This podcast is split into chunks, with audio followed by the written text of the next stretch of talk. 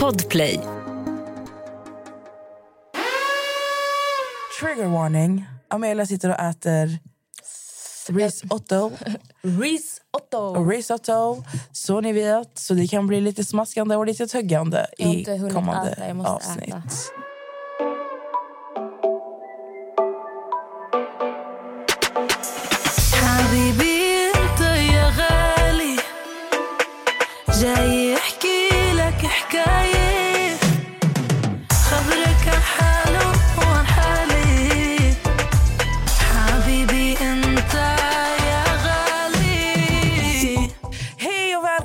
Till ett nytt avsnitt! Woo!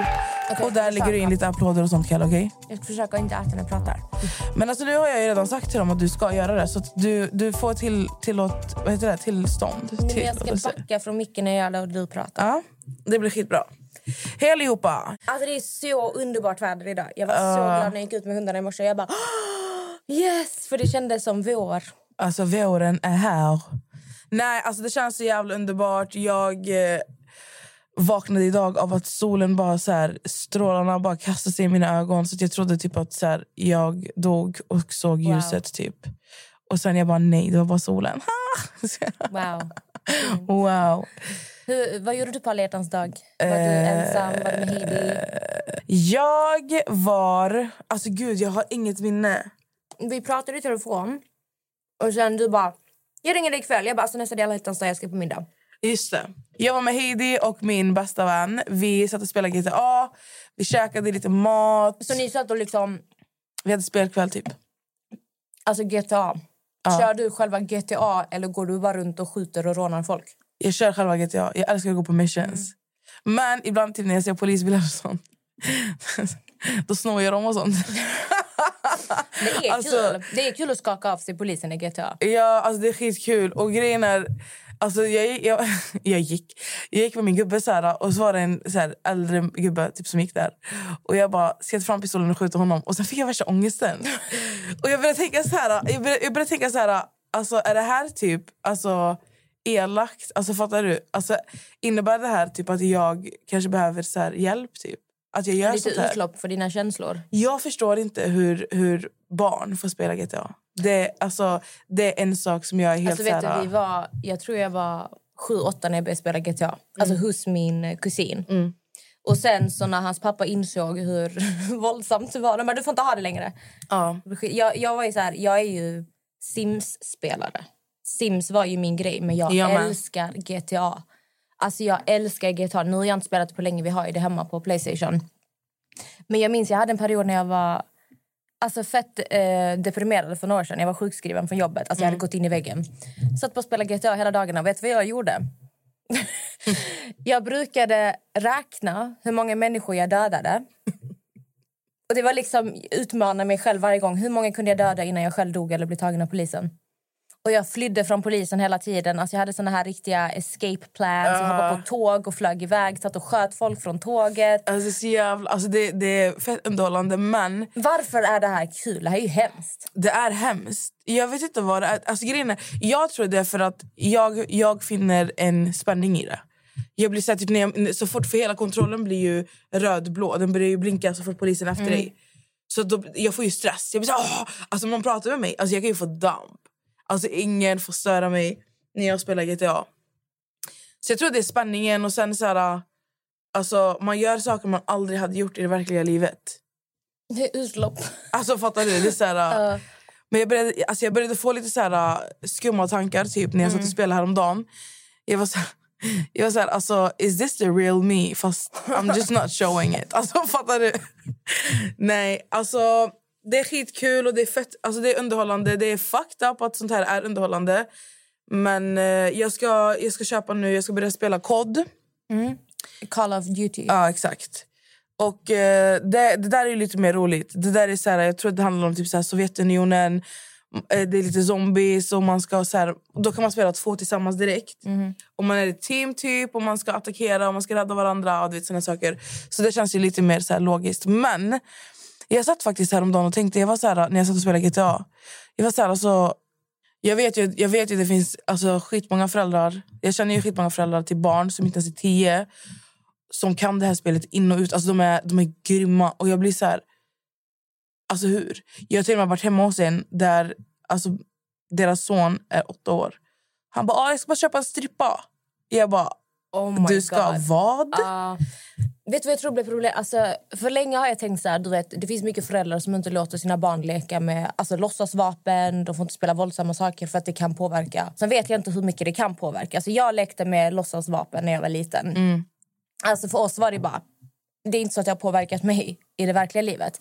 Men när det kommer till GTA... Alltså just det här du tar upp med att man går på strippklubb och så här. Mm.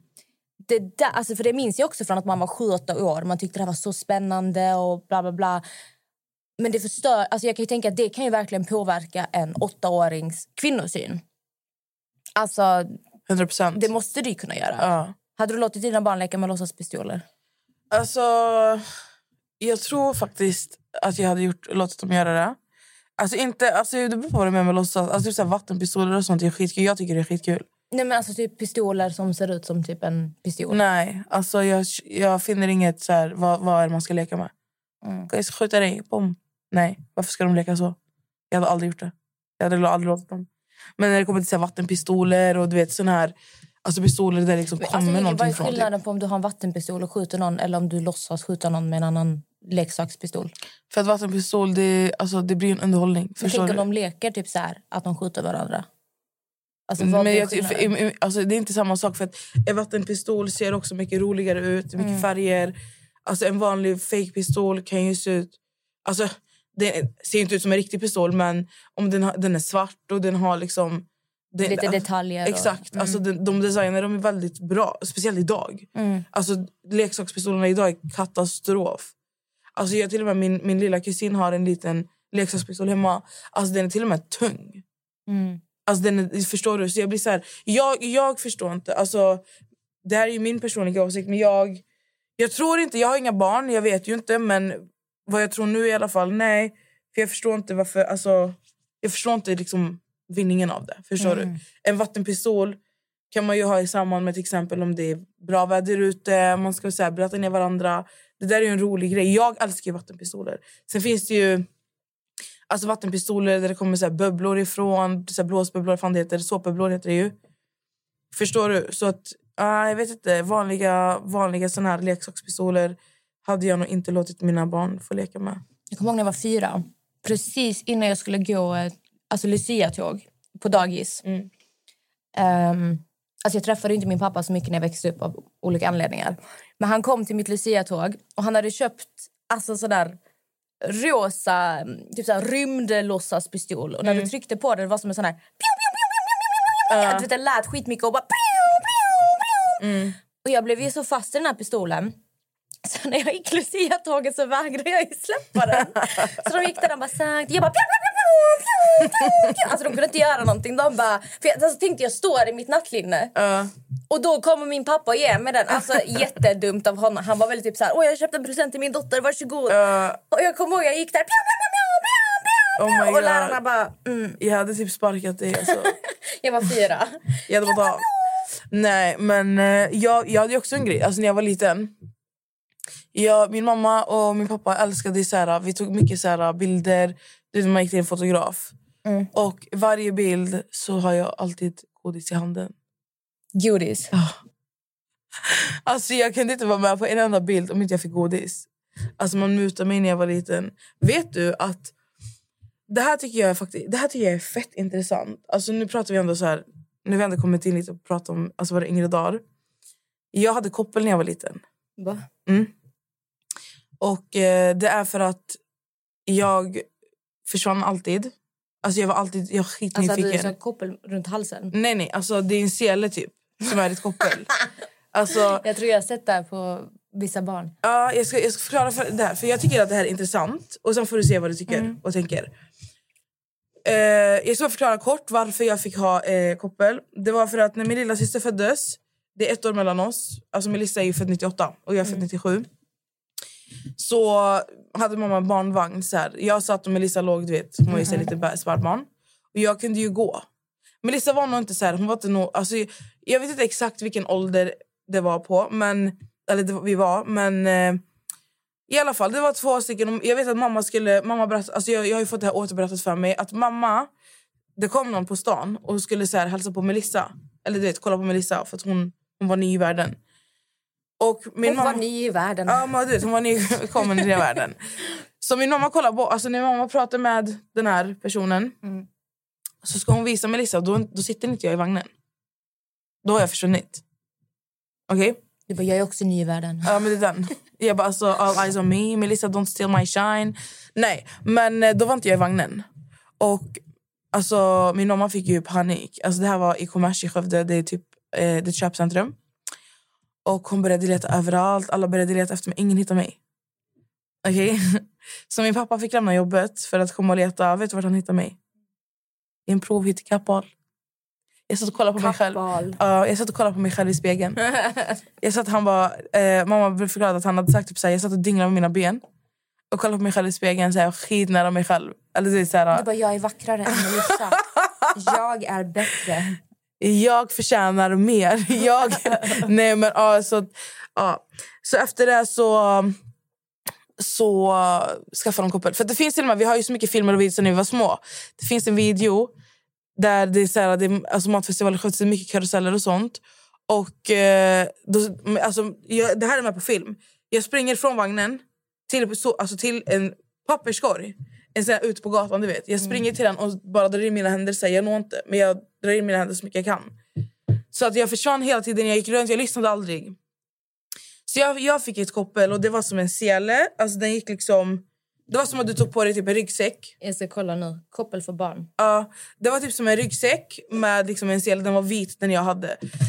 Och grejen var så här, när jag började höra det här, alltså att jag hade koppel och sånt när jag var yngre och började berätta det för mina vänner och sånt. De var så här, oh my god, hade du koppel? Blablabla. Men när jag flyttade, när jag åkte till, inte flyttade, utan när jag åkte till USA första gången, för jag har ju varit, jag har ju varit där fyra gånger innan. Exakt. Det var Det var exakt en sån jag hade. Jag ska lägga ut den här sen. Ja. Eh, fast min var helvit. Men skriv, skriv så här, jag ska, för nu ska jag prata om det här. Skriv eh, alltså ryggsäck, koppel för barn. Okej? Mm. För att så fort jag kom till USA första gången så började jag se alltså alla har koppel på sina barn. Och det är för att det är så stora folkmassor, man kan tappa bort sina barn. Och exakt. Ja. Så att den här var lite stor den här ryggsäcken men det finns, det finns finare som är lite nättare, alltså mindre. Då, är det, då har barnen så här, de har, det är skitgulliga ryggsäckar, ryggsäckar med Alltså det kan vara typ en blomma eller du vet, ett hjärta. Ryggsäckarna är liksom... Det, skulle, det ser nästan ut som alltså, typ ett gosedjur på ryggen. Typ. De är skitfina. Så från själva facket i den här ryggsäcken kommer ju kopplet. Så jag började märka då, jag var så här, okej men det är faktiskt normalt att ha koppel på sina barn. För att jag minns när vi var yngre, vi, vi reste jättemycket och då åkte vi till, eh, vi var i Amsterdam minns jag. Fråga mig inte hur jag minns det här. Jag tror jag har sett det på film också, men jag har sjukt minne.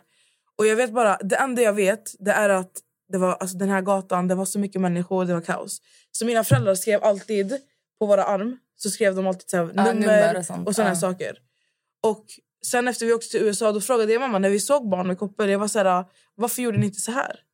För att vi, vi pratade med en förälder till ett barn som hade koppel. Vi, var så här, vi, pratade, alltså vi såg och pratade lite och mamma var så här... Alltså varför har alla koppel på sina barn här? Och då var de så här, men alltså folk är skitsnabba, de kan rycka ifrån barnen, de kan lalala. Alltså barnen kan bara försvinna. Det, är- det är lätt för ett barn att bara gå vidare. Alltså om den går framför typ.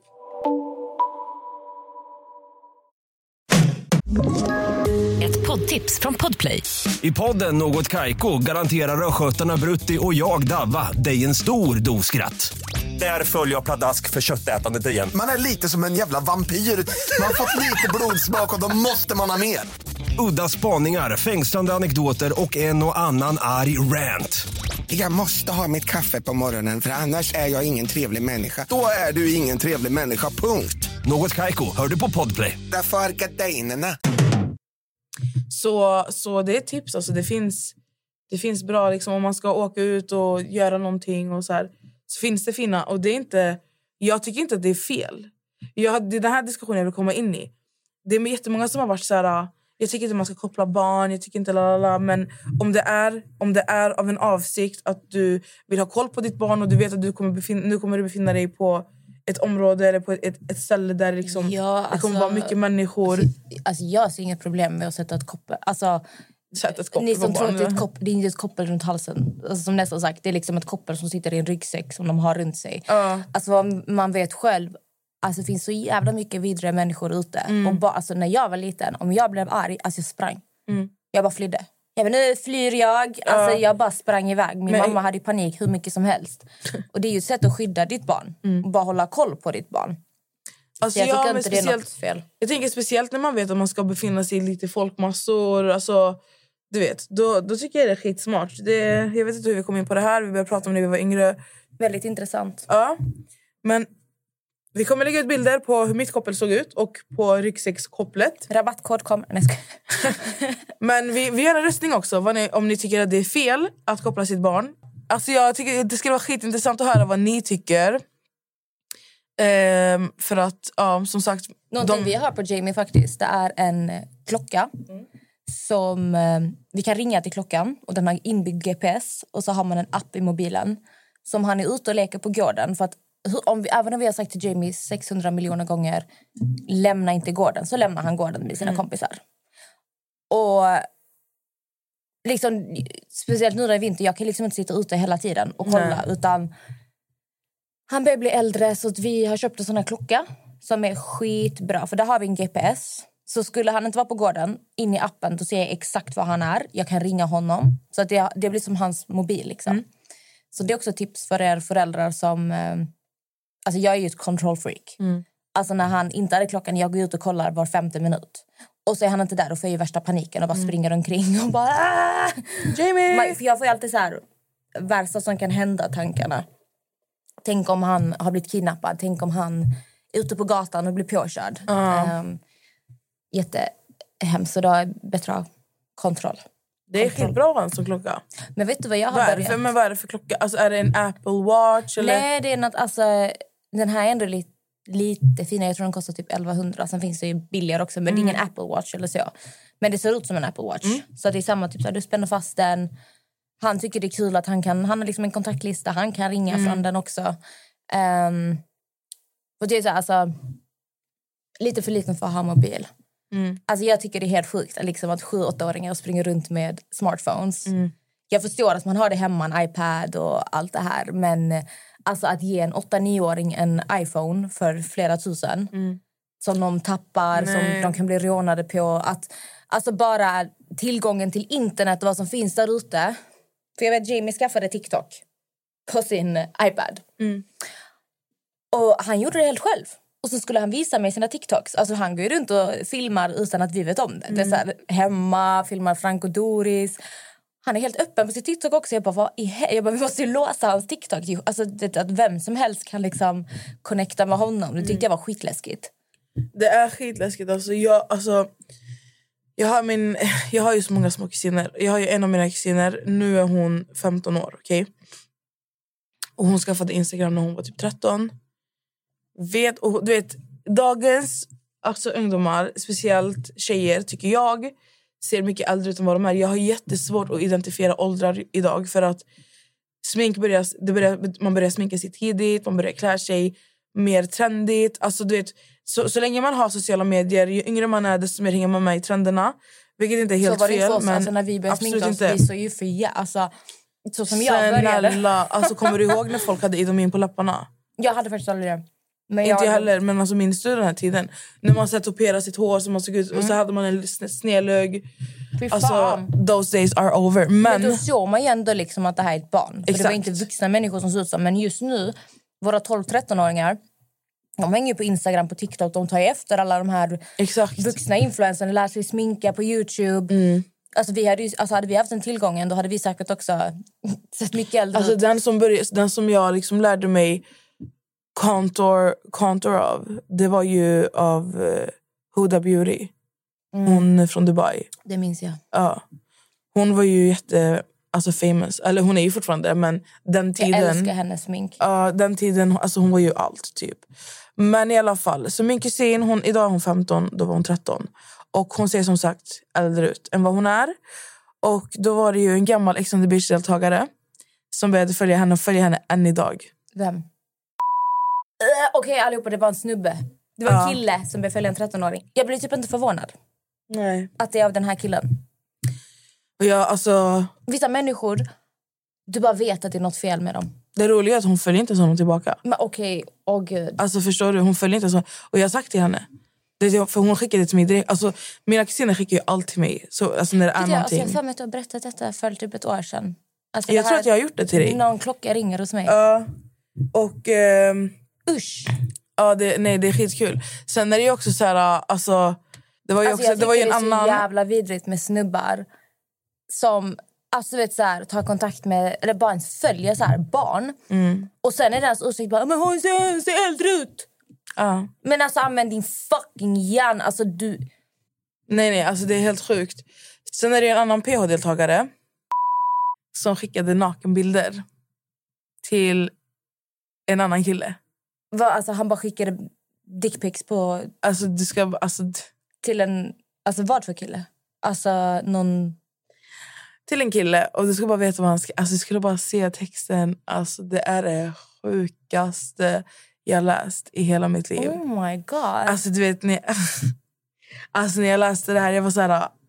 Men hade de typ, alltså satt de och pratade, flörtade de eller bara Nej. började han skriva typ... Alltså, han, alltså PH-deltagaren började skriva på ett sätt.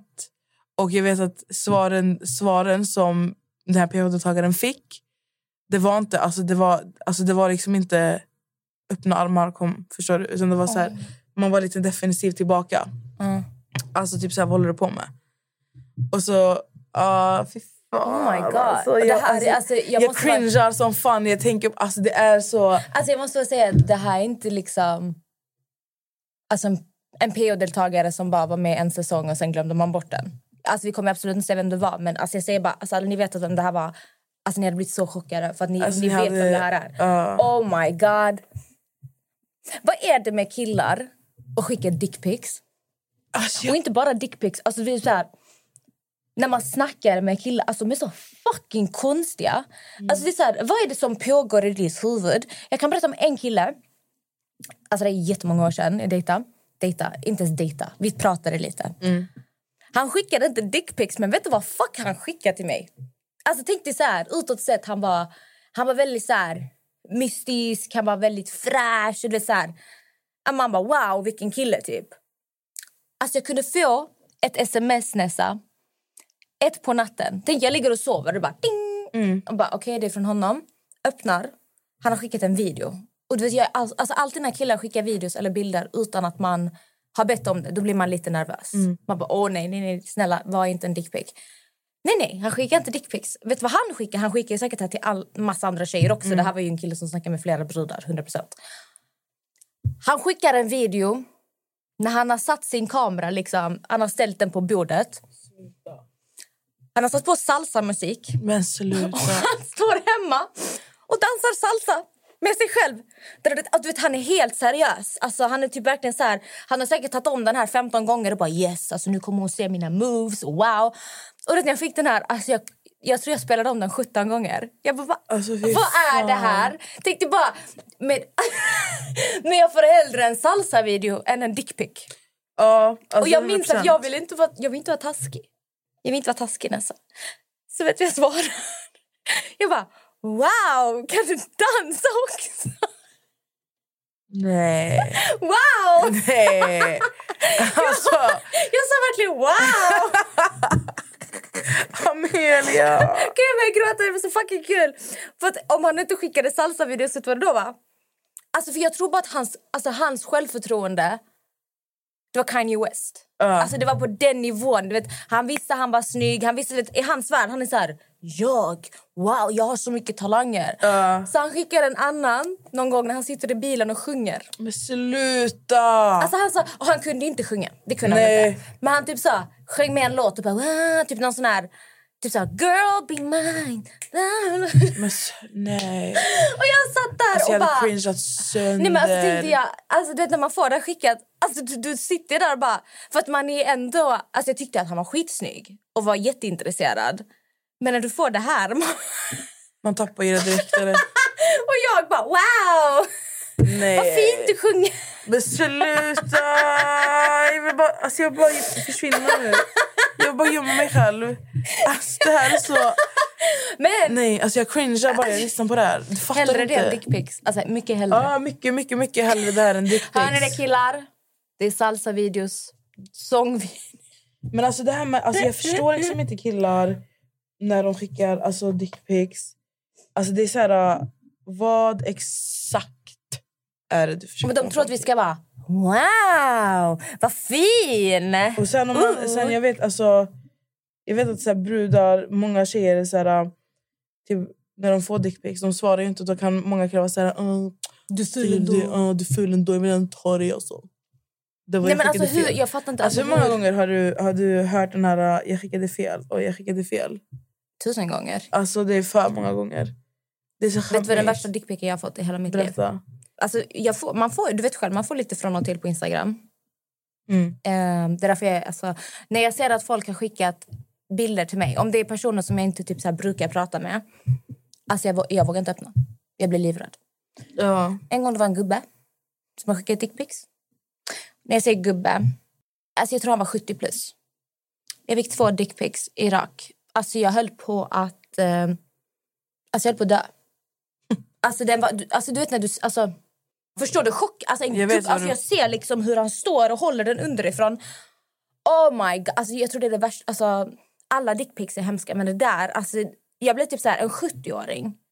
Det, jag hade Alltså, fått va? panik. Jag hade fått panik. Jag, alltså, ja, nej, alltså, jag hade fått panik. Alltså, Amelia, jag vet inte. Jag vet, inte, jag, vet du vad jag vill göra? Jag vill gå in i ditt liv och kunna gå tillbaka i tiden och bara följa dig.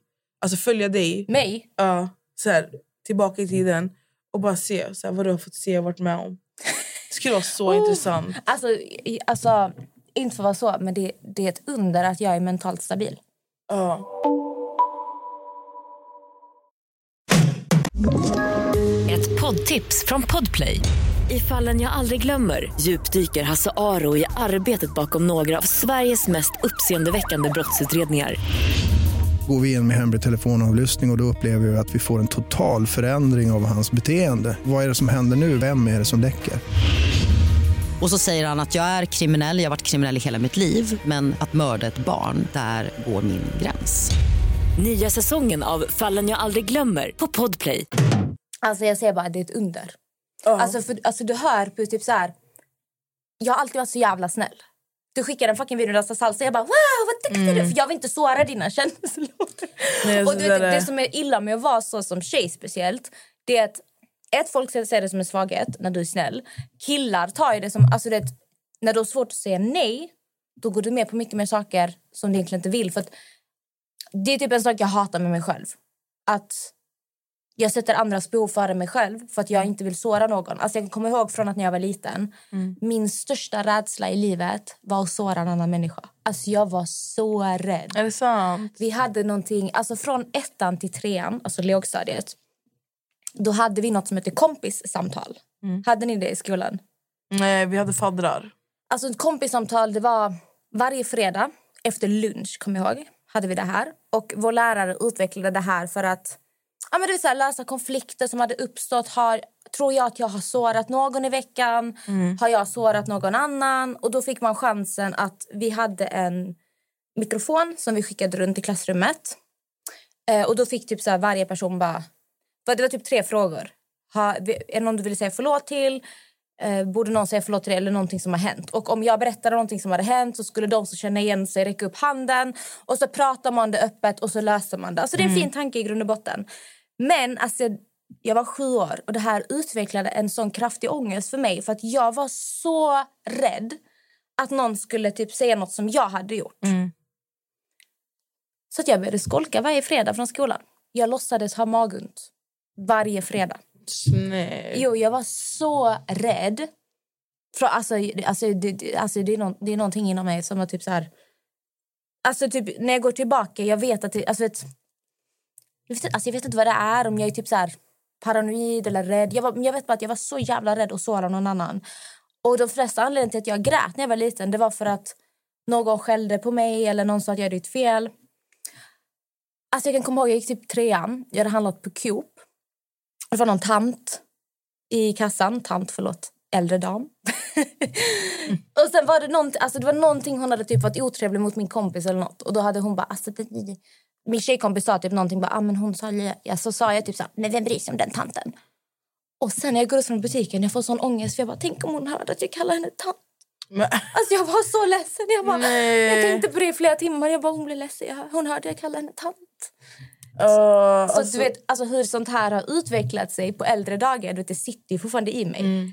Det är klart när du skickar en video och du står fucking dansa salsa. Det är klart jag tycker att du, vad fan håller du på med? Du kan inte dansa salsa. Varför skickar du det till mig? Men jag vill inte såra dig. nej, alltså, Så jag säger, vad fint. det där är ju jättefint. Men alltså, män är ju jätteskumma också. Gud, de vill ju, alltså, män vill ju bara bekräftelse. Alltså, Mäns ego är så skört. Alltså det är så lätt att såra en kille. Alltså de är så lättkränkta. De är, det är, alltså, ah. På tal om det. Någonting jag vill diskutera, Amelia. När det kommer till män. Det är arbetsmarknaden idag. Alltså, de, de flesta jobben är ju väldigt mansdominerade. Och då menar jag inte att det är bara män som klarar av de här jobben. Utan alltså att om, om en man är chef, bland annat. Eller typ så här, har hand om alltså att rekrytera alltså personal så väljer man oftast inte en kvinna med pondus eller en kvinna med liksom, karaktär eller en kvinna som, som är stark i sig själv. Mm. För de blir så fucking hotade. De blir riktigt intimidated. Alltså det är så sjukt. Och jag har bara tänkt på det, för man är så här, man pratar så mycket om att ah, men vi har kommit så långt i utvecklingen, bla bla, men män tjänar fortfarande mer än vad kvinnor gör i, liksom, i, när de jobbar med precis samma saker. Eh, jag vet, alltså när jag jobbade inom jag jobbade industri i Skövde och då var det en, eh, en tjej där som hade jobbat aslänge och chefen gick runt och eh, skulle fast, eh, alltså vissa skulle få fastanställning. Man börjar jobba genom ett bemanningsföretag. Fattar du? Så jobbar man där och sen tills man får en fastanställning. Och då minns jag att vi såg, alltså vi såg hans, chefens anteckningar. Och då skrev han den här tjejens namn. Vi kan se att hon heter Lisa. Okej. Det- Hon heter inte Lisa, men vi säger Lisa.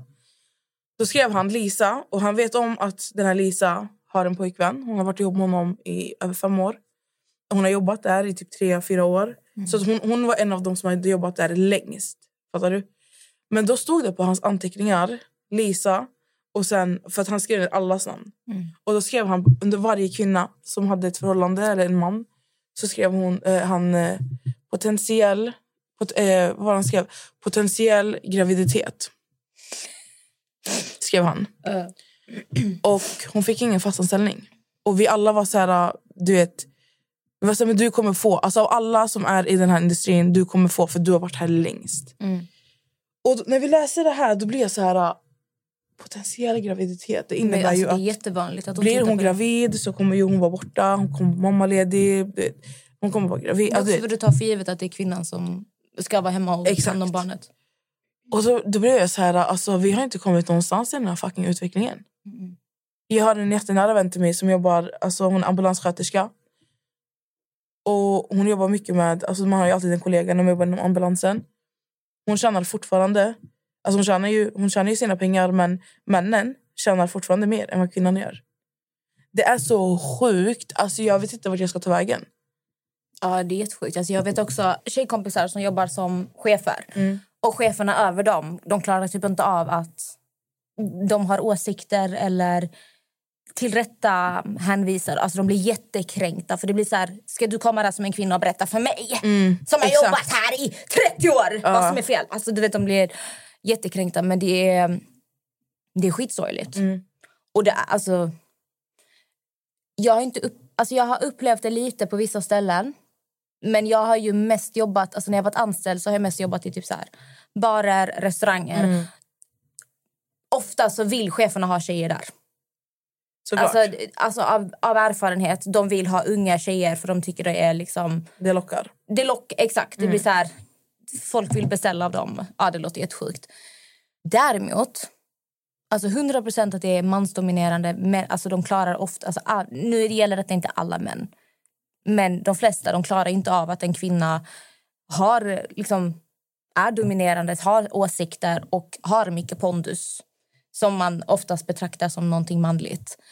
Men jag kom faktiskt in på en video som jag tyckte var väldigt intressant. Inte bara när det handlar om jobbrelationer utan överlag om alla typer av relationer. Men den här kvinnan pratade om att det pratas oftast inte om hur många kvinnor på arbetsplatsen som alltså kanske inte mobbar men som är intimidated av varandra. Förmodligen för att det är mycket mer mansdominerande så kvinnor känner liksom att vi måste slåss mot varandra. För att det finns inte lika mycket chefspositioner för oss kvinnor. Eller det finns inte... Ja, du förstår. Eh, Men hon berättade en historia om att jag träffade en sån här kvinna på en arbetsplats.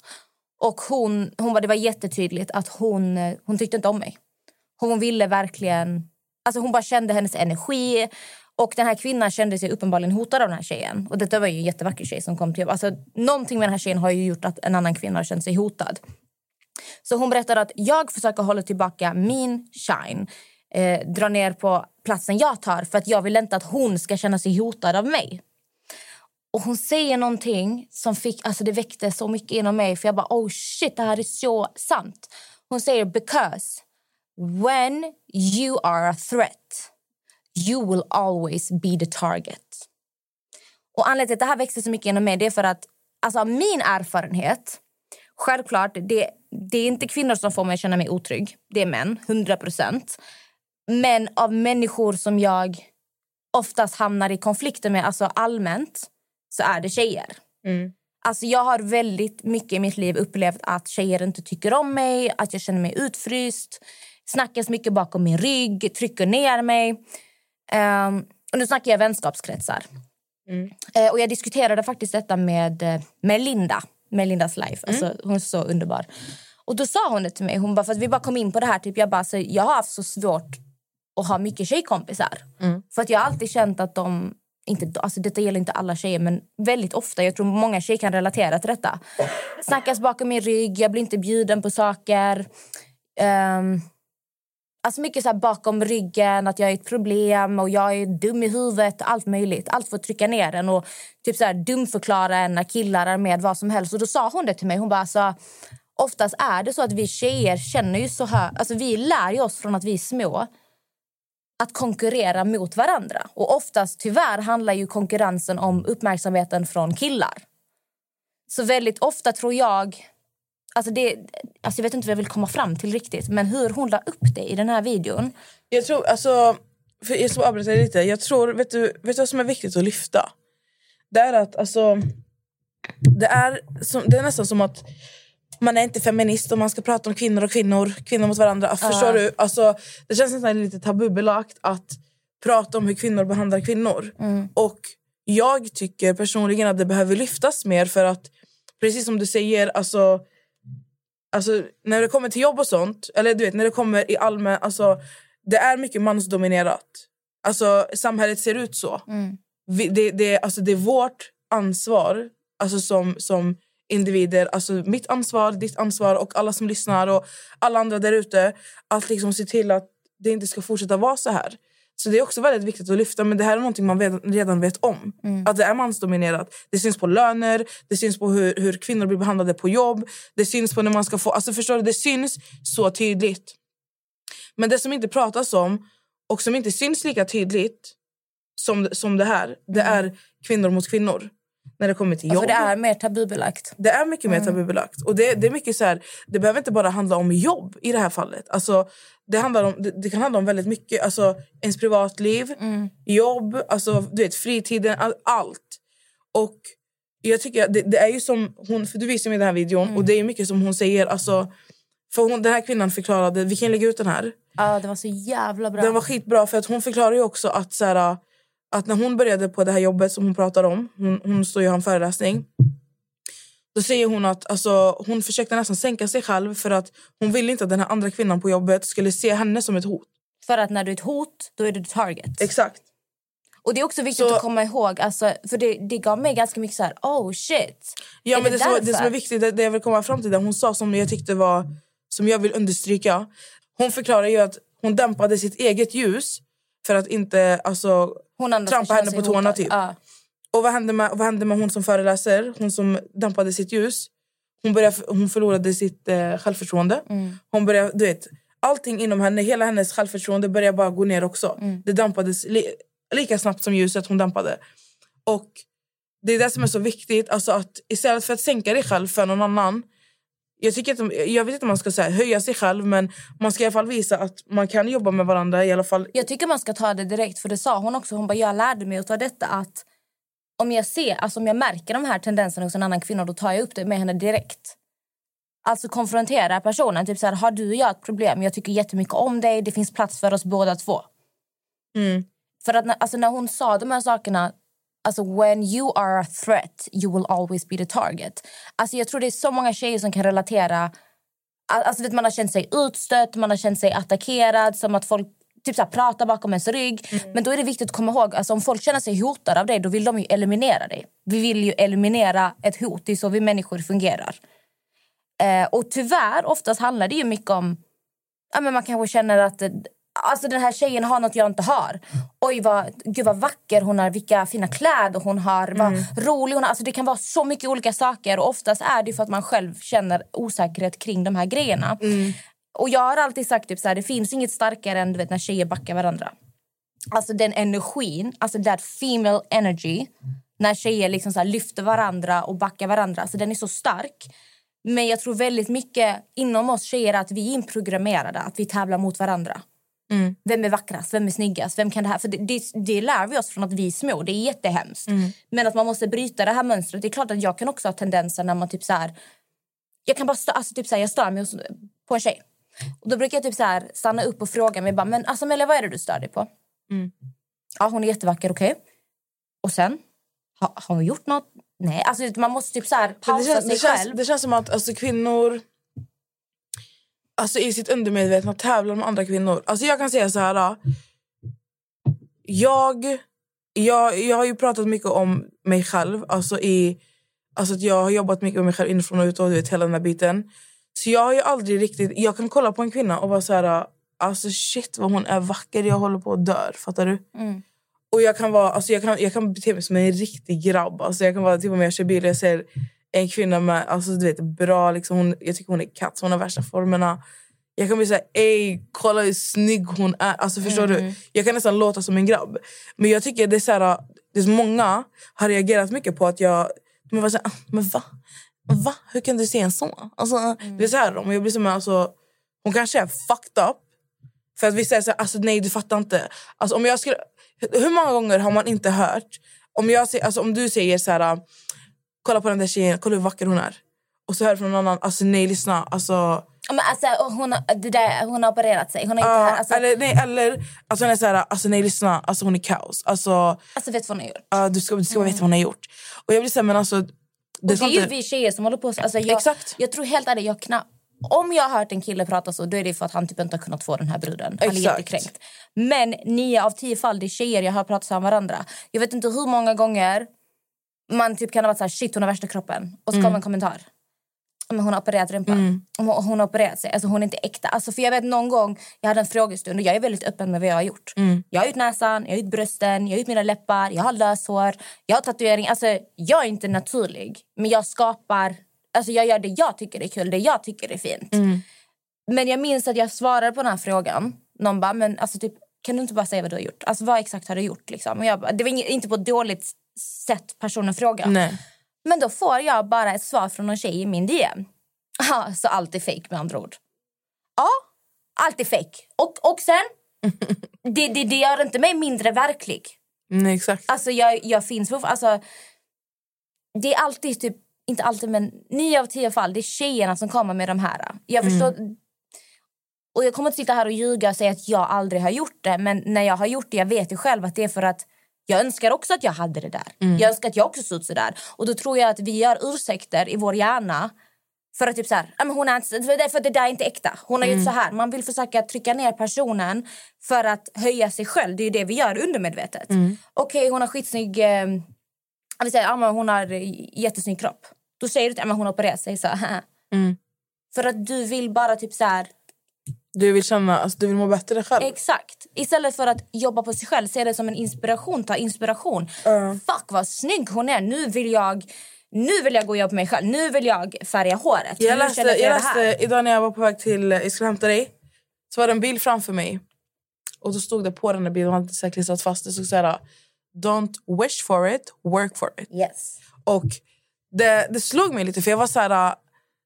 Vi, vi är så bra på att klaga på vad vi vill ha. Ursäkter.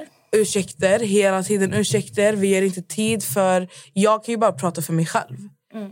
Igår, så jag har ju alltid sagt jag vill ju, jag vill ju börja träna och det är inte bara i syfte för att jag vill banta, jag vill gå ner i vikt. Det är inget sånt utan jag vill träna för att må bra för att jag vet hur bra jag mår av att träna. Och typ som igår, jag vaknade och min kusin ringde mig och bara skulle följa med till gymmet. Jag var skittrött. Och jag var så här, jag bara nej, ah, du vet, jag, jag, jag velade lite och jag tänkte för mig själv att jag ska ge henne en ursäkt så att jag ska gå tillbaka och sova. Så jag tänker igen, men jag vill ju börja träna. När ska jag ta mig dit? Jag kommer ju aldrig göra tid för det. Så jag tog mig till gymmet, jag tränade ihjäl mig, jag mådde skitbra. Alltså jag, fortfarande, jag känner fortfarande... Jag, du vet, träningsverk är det bästa jag vet. Och sen var jag så här, alltså, jag kan ju inte sitta här och klaga. Jag har inte rätt att klaga på att jag kanske, alltså jag tycker att jag har blivit, jag går typ i vikt. Jag tycker att det här passar inte bra på mig. För jag, sköter, jag, jag gör ju ingenting åt saken. Jag gör ju bara saken värre. Om jag ska ligga hemma i min säng istället för att gå, gå och träna i 40 minuter, bara gå på bandet. Bara gå i 40 minuter. Eller bara ta en promenad, bara rö- röra mig. Det kommer inte hända någonting. Så varför ska jag klaga? Sen vet jag också att det blir, det blir en sån här effekt där jag istället, alltså, där man istället kanske blir så här, ah, kolla på den här tjejen, hon har gjort sin kropp, jag ska också göra min kropp. La, la, la, la. Alltså man börjar hamna på, på det planet istället. Men nej, alltså, om, du jobbar, om du vet att du jobbar för dig själv, för att du ska må bra, för att du gör det för, att du gör det för din skull, då kommer du inte, du, du kommer inte se andra kvinnor eller andra män eller någon annan som ett hot längre. Du har Förstår du? Du har inte tid för det. Du vet Alltså, att, om vi bara tar alltså, som det vi snackar om, vi kvinnor är inprogrammerade att tävla mot varandra. Mm. Män har inte det på samma sätt. Alltså, om vi bara tar Kanye West och Kim Kardashian. Han skaffar en ny tjej, nu har de gjort slut. Det gäller att hänga med här. Eh, Julia Fox. Det enda jag ser att folk gör på internet det är att jämföra Kim och Julia. Mm. Vem är snyggast? Vem är bäst? Vem är där? Men jag ser inte män jämföra varandra. Alltså, eller män. Folk jämför inte män på Nej. samma sätt. nej. Det är inte så att man ställer Kanye versus Pete. Mm. Alltså, det är alltid vi kvinnor versus kvinnor. Varför är vi kvinnor? Alltså, varför kan inte vi alla bara få ta plats? Mm. Och jag, alltså, som jag säger, jag själv har suttit i de här tankarna och typ så här, ursäktat för varför. Men jag vet ju själv varför jag gör det. Mm. Och det är så jag försöker tänka varje gång en annan tjej försöker trycka ner mig. Okej, men jag har något du inte har. Det är någonting du mår dåligt av. Jag såg en kille som pratade om det också. Att om någon skriver till dig här, fan vad stort huvud du har. De bara kommer så här, från ingenstans. Av allting de kan fokusera på hos dig. Alla, allt du pratar om, dina texter, eh, dina kläder. Alltså, all, allting. Så ska de fokusera på att du har ett stort huvud. Mm. Varför gör man det? Man har inget annat att klaga på. Nej, för att jag har också ett stort huvud. Om jag sitter och inspekterar folks huvuden och storleken då är det en, alltså en eh, osäkerhet som jag har hos mig själv. Ja, det är sant. Förstår du vad jag menar? Om jag skulle sitta och bara... Och fy fan, kolla på hennes hy. Fan vad dålig hy hon har. Varför är jag så besatt av hyn? Förmodligen för att jag själv har Mm. haft problem med min hy och är osäker över det. Och det ligger så mycket till det. Jag tycker att ni som lyssnar på det här, för vi alla hamnar där någon gång. Vi hamnar alltså dumma kommentarer. Och kommentar, det, det tar på en så här snabbt. Men att komma ihåg det här. Det du fokuserar på är det du är själv osäker på. För att det vi hatar hos oss själva är vad vi speglar oss hos andra. Exakt. Så nu vet jag, om någon skriver till mig att jag har en stor panna, jag ska säga du har en stor panna. Din panna är så jävla liten då. Det ser också jävligt saftigt ut. Ett poddtips från Podplay. I fallen jag aldrig glömmer djupdyker Hasse Aro i arbetet bakom några av Sveriges mest uppseendeväckande brottsutredningar. Går vi in med hemlig telefonavlyssning och, och då upplever vi att vi får en total förändring av hans beteende. Vad är det som händer nu? Vem är det som läcker? Och så säger han att jag är kriminell, jag har varit kriminell i hela mitt liv men att mörda ett barn, där går min gräns. Nya säsongen av Fallen jag aldrig glömmer på Podplay. På tal om att skriva i DM. Det var ett konto på Instagram. Det här är så kul. Som skrev till mig typ så här, ska du gå till gymmet din tjockis? Mm. Och jag var så här, okej. Another one. Another one. Och så jag gick in, för att jag får inte mycket hat. Och jag får inte mycket såna här grejer. Men ibland när jag får, då lägger jag ner tid på det. Fattar du? Inte att jag tar åt mig, utan jag lägger ner tid på den här personen. Jag brukar söka upp deras adresser och telefonnummer. Nej men det här var ju fejkkonto. Så jag, först, jag svarade och den här, den här personen började vara så här, jag, jag förstod direkt att det var en ung person. Eh, och jag förstod också att det var en kille. Jag vet inte hur, men jag bara fattade att det här är en kille. För tjejer skriver inte så här, på det här sättet. Så jag svarade och den fortsatte, den fortsatte och till slut så blockade jag det här kontot. Så fick jag, jag hade en frågestund i veckan och då fick jag då skrev, då skrev ett annat, det här var ett nytt konto som skrev du blockade mig, din, din fuling eller vet, något sånt här. Alltså, vet, någonting. Och sen så skrev den ordet tjockis igen och då fattade jag direkt att det är samma person. Så går jag in på DM och jag bara, vart har jag blockat dig? Frågetecken. Och så skrev han alltså, sitt namn och sen så, jag har screenrecordat hela konversationen. Tänkte jag skulle lägga ut den, det skulle vara en rolig grej. Så, så jag sitter och sminkar mig, jag är skitstressad och den här personen på att skriva. Så jag bara, och då skrev jag typ så här, jag bara, men alltså, vad är ditt problem? Så han bara, ah, Åh, passa dig jävligt noga, jag vet inte vad. Det, typ, jag ska sätta dig på plats. Jag bara, ska du sätta mig på plats? Jag bara, fan vad kul. Så började jag ringa, videosamtal. Och ni som kommer attackera mig, alltså ni som attackerar mig, jag kommer trakassera er telefon tills ni blockar mig. Det är så jag kör. Så jag började ringa. Jag ringer och, det liksom, och, och den klickar och jag ringer och den klickar och jag ringer och den klickar. Alltså, jag tror att vi höll på så tio minuter. Och han skriver, men sluta, men sluta, sluta spamma, sluta spamma, jag ska skriva. Jag, jag bara, men säg det du vill säga då. Jag bara, man up, säg det du vill säga, jag ringer ju dig. Och så han bara, nej men jag ska skriva det istället. jag bara, skriva? Jag bara, nej nej, jag har inte tid för att skriva. Jag bara, jag ringer dig, svara. Så svarade han och höll fast sin, sin vad heter det? Han bara, ah, men vad är det du vill? Vad är det du vill? Så jag bara, åh, jag bara, hur gammal är du? Jag bara, hur gammal är du? Är du 14? Så han bara, bry dig inte. Och, sen, och han gjorde till sin röst. Så jag bara, alltså, att du är en hel grabb som sitter och håller på så här. Jag bara, det är skämmigt. Okay? Det är riktigt skämmigt. Och sen han var så här... Han, han klickade när jag sa så. Och jag fortsätter ringa. Alltså du fattar inte. Jag har verkligen screenrecordat allt. Problemet med screenrecording man kan inte höra ljudet. Men skitsam. Så ringer jag och ringer och ringer och så råkar den här personen alltså han råkar svara när han sitter på toaletten och jag bara hör, jag hör när han fiser. Okej? Det var, de var riktiga rackabajsare alltså. Det var en riktig rackabajsare kan jag tala om för dig. Och, jag bara, och, då, och, då, och då säger jag, alltså för då har han svarat, han vet inte om att han har svarat. Då säger jag, jag bara, jag bara fes du precis? Jag bara, sitter du och bajsar? Då klickade han och blockade mig. Och jag dog. Varför är det här min humor? Alltså jag, nej, jag dog av garv. Jag bara, alltså lyssna här. Alltså, det här. Nej, alltså, det här är så kul. Och det är så här, Det är mardrömmen. jag, nej, alltså, ja, för honom är det mardröm. Jag skulle aldrig, alltså, jag tar inte åt, alltså, jag skulle aldrig ta åt mig att någon sitter och säger att jag är en tjockis. Mm. Men jag tycker bara det är löjligt att använda såna där... Alltså, tänk, jag blir så här, tänk om jag hade varit en person som på riktigt har dåligt självförtroende, mår dåligt i Mm. mig själv och får läsa sånt här. Det hade, hade varit jättetriggande för en annan. Det är som när jag har, alltså jag har ju från och till, alltså jag lägger ut ibland när jag tränar och spänner mina muskler liksom. Ja, du kan se mina benmuskler, armar, alltså allt så här. Jag får ju nästan, inte alltid, men var tredje gång så är det alltid en, två personer, tjejer som berättar att nu har jag för mycket muskler, jag ser manlig ut och det här är inte fint. Mm. Återigen, det är aldrig killar som skriver det. Det är alltid de här tjejerna. Och jag vet, jag svarar alltid bara så här. Men alltså tänk om jag nu på riktigt hade så dåligt självförtroende att jag nu börjar svälta mig och förstöra hela min... Alltså, vad angår... Va, va, varför bryr du dig om hur jag ser ut?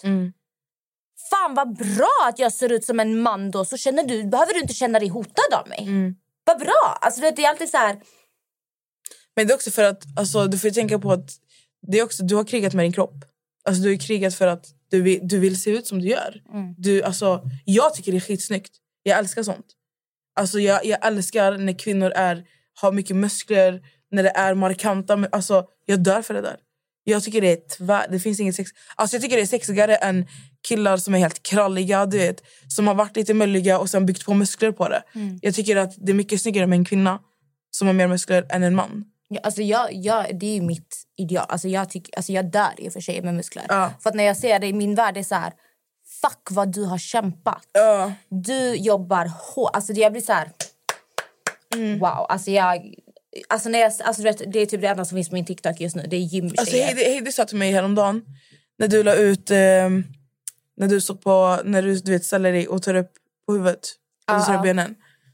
Hon bara jag satt och kollade på den här som Amelia la ut. Alltså hon bara jag blev så inspirerad och fascinerad för att alltså vilken fucking hållning, vilken balans. Alltså du vet allting. Du vet, folk, man, du vet, folk som inte så här, är insatta i träning eller vet, alltså du vet, man ser en sån där video, det ser skitlätt ut när man kollar på dig. Fattar du? Men vem fan kan göra något sånt? Alltså, det är inte många som kan göra det. Alltså, du har ju värsta Jenny, hela bålstabilitet. Alltså, du har allt. Alltså jag tycker att eh, jag har jättemycket att jobba på. Ja, men förstår, du, alltså, förstår du vilken lång väg du har kommit? För hon satt så här, hon bara så... Hon bara så det, alltså, det, du vet, vi var så här, det är helt sjukt. Och du vet när- du lägger ut dem, jag sitter ju också kvar för jag blir... Du tar ju upp benen sakta. Alltså allting går ju sakta. Och det visar ju bara på alltså, vilken sjuk styrka du har. Alltså du har kontroll över hela din kropp, alltså hela kroppen. Du står, snälla, du står på huvudet. Armar. Och du står med armarna på ett visst sätt. Som också är så här, alltså, Men vet du, alltså vem har balans? just den övningen, att stå på huvudet. Vem har balans när man står så? Att vi ska avsluta snart. Jag ska bara säga till alla. Alltså, jag började öva på detta för... Du måste lägga ut den här videon i podd, podden. jag, ska, alltså jag gör det här typ varje, varje gång jag är på gymmet nu som avslutning. För jag kan säga så här, alltså, anledningen till att jag älskar träning så mycket för det är liksom min heliga, det är min ensamtid, det är min terapi. När jag kan stänga av mina tankar, när jag kan fokusera på någonting, när jag får, alltså mitt självförtroende det flyger upp. Alltså, jag vet att många tjejer framförallt frågar mig hur blir man bekväm på gymmet. Jag tycker det är skitjobbigt, det känns som alla stirrar på mig. Eh, typ så här, jag beundrar att du vågar på en magtröja, jag vågar inte. Jag är så här, jag ser ingen annan. Alltså, när jag går in på gymmet, alltså, jag är så här, jag är ett lejon. Det här är mitt, det här är min plats. Jag skiter i om jag låter, jag skiter i om jag skriker, jag skiter i om ni tittar på mig. Det är så här, jag mår så bra där. Och därför behöver alltså jag behöver gymmet för att fungera normalt. Men just när jag står på huvudet, det krävs så mycket fokus att alla andra tankar jag haft under dagen, ångest, dåliga tankar, det finns inte plats.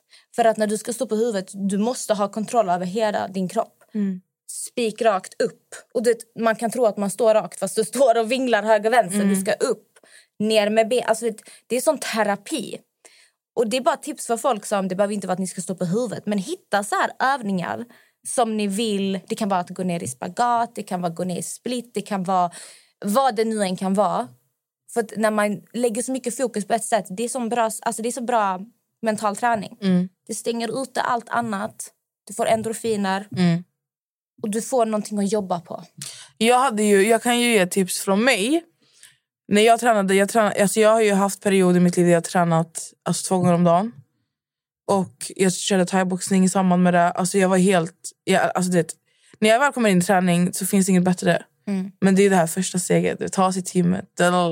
Allt det här. Men jag kan säga så här. Eh, någonting som pushade mig skitmycket. Jag tränade med en PT. Och vi gick när vi gick till gymmet första gången så sa hon till mig hon bara, vi, vi är inte här för att träna hårt utan vi är här för att göra ett test. Så vi, gjorde, vi körde plankan första gången. Första gången okay? Vi körde plankan, vi gjorde armhävningar, sit-ups. Såna här fysiska övningar som man gör. Eh, planka, alltså vi tog tid på det vi kunde ta tid på, typ som plankan.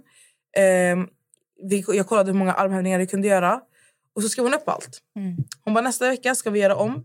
Alltså samma dag på måndag ska vi göra om och då ska vi se, för då har vi tränat hela veckan och tränat på de här övningarna. Då ska vi se hur mycket du klarar. Och jag minns att bara den, bara den veckan så klarade jag från att göra en armhävning, jag kunde göra fem veckan efter. Alltså från att stå plankan 30 sekunder, jag kunde stå en minut.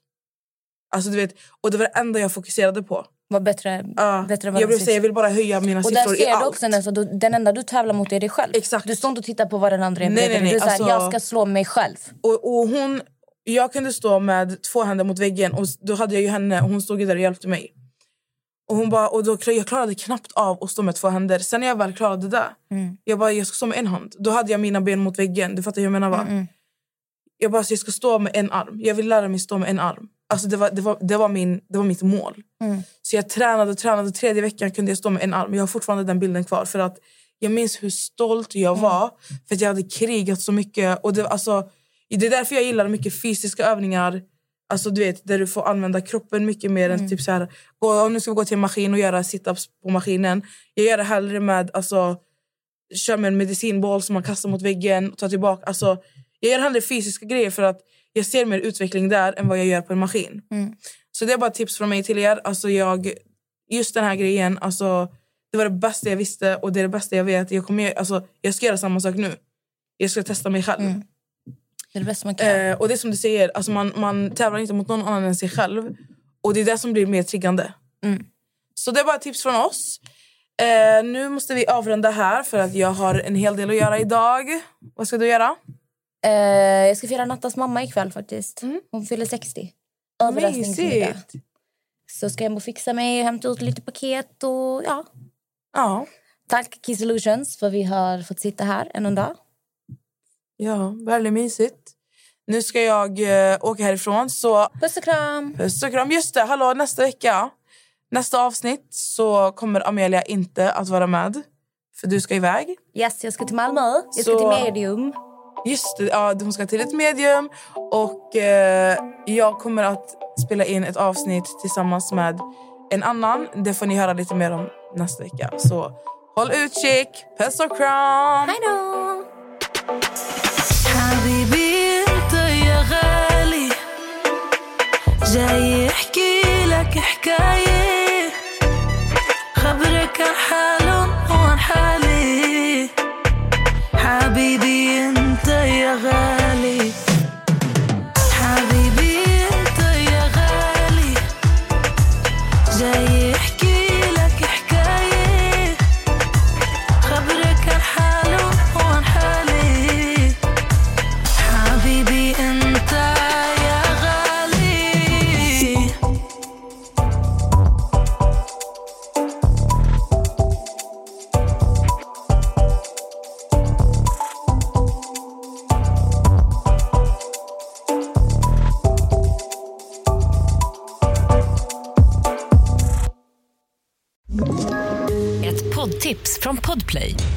Fallen jag aldrig glömmer djupdyker Hasse Aro i arbetet bakom några av Sveriges mest uppseendeväckande brottsutredningar. Går vi in med hemlig telefonavlyssning och, och då upplever vi att vi får en total förändring av hans beteende. Vad är det som händer nu? Vem är det som läcker? Och så säger han att jag är kriminell, jag har varit kriminell i hela mitt liv men att mörda ett barn, där går min gräns. Nya säsongen av Fallen jag aldrig glömmer på Podplay.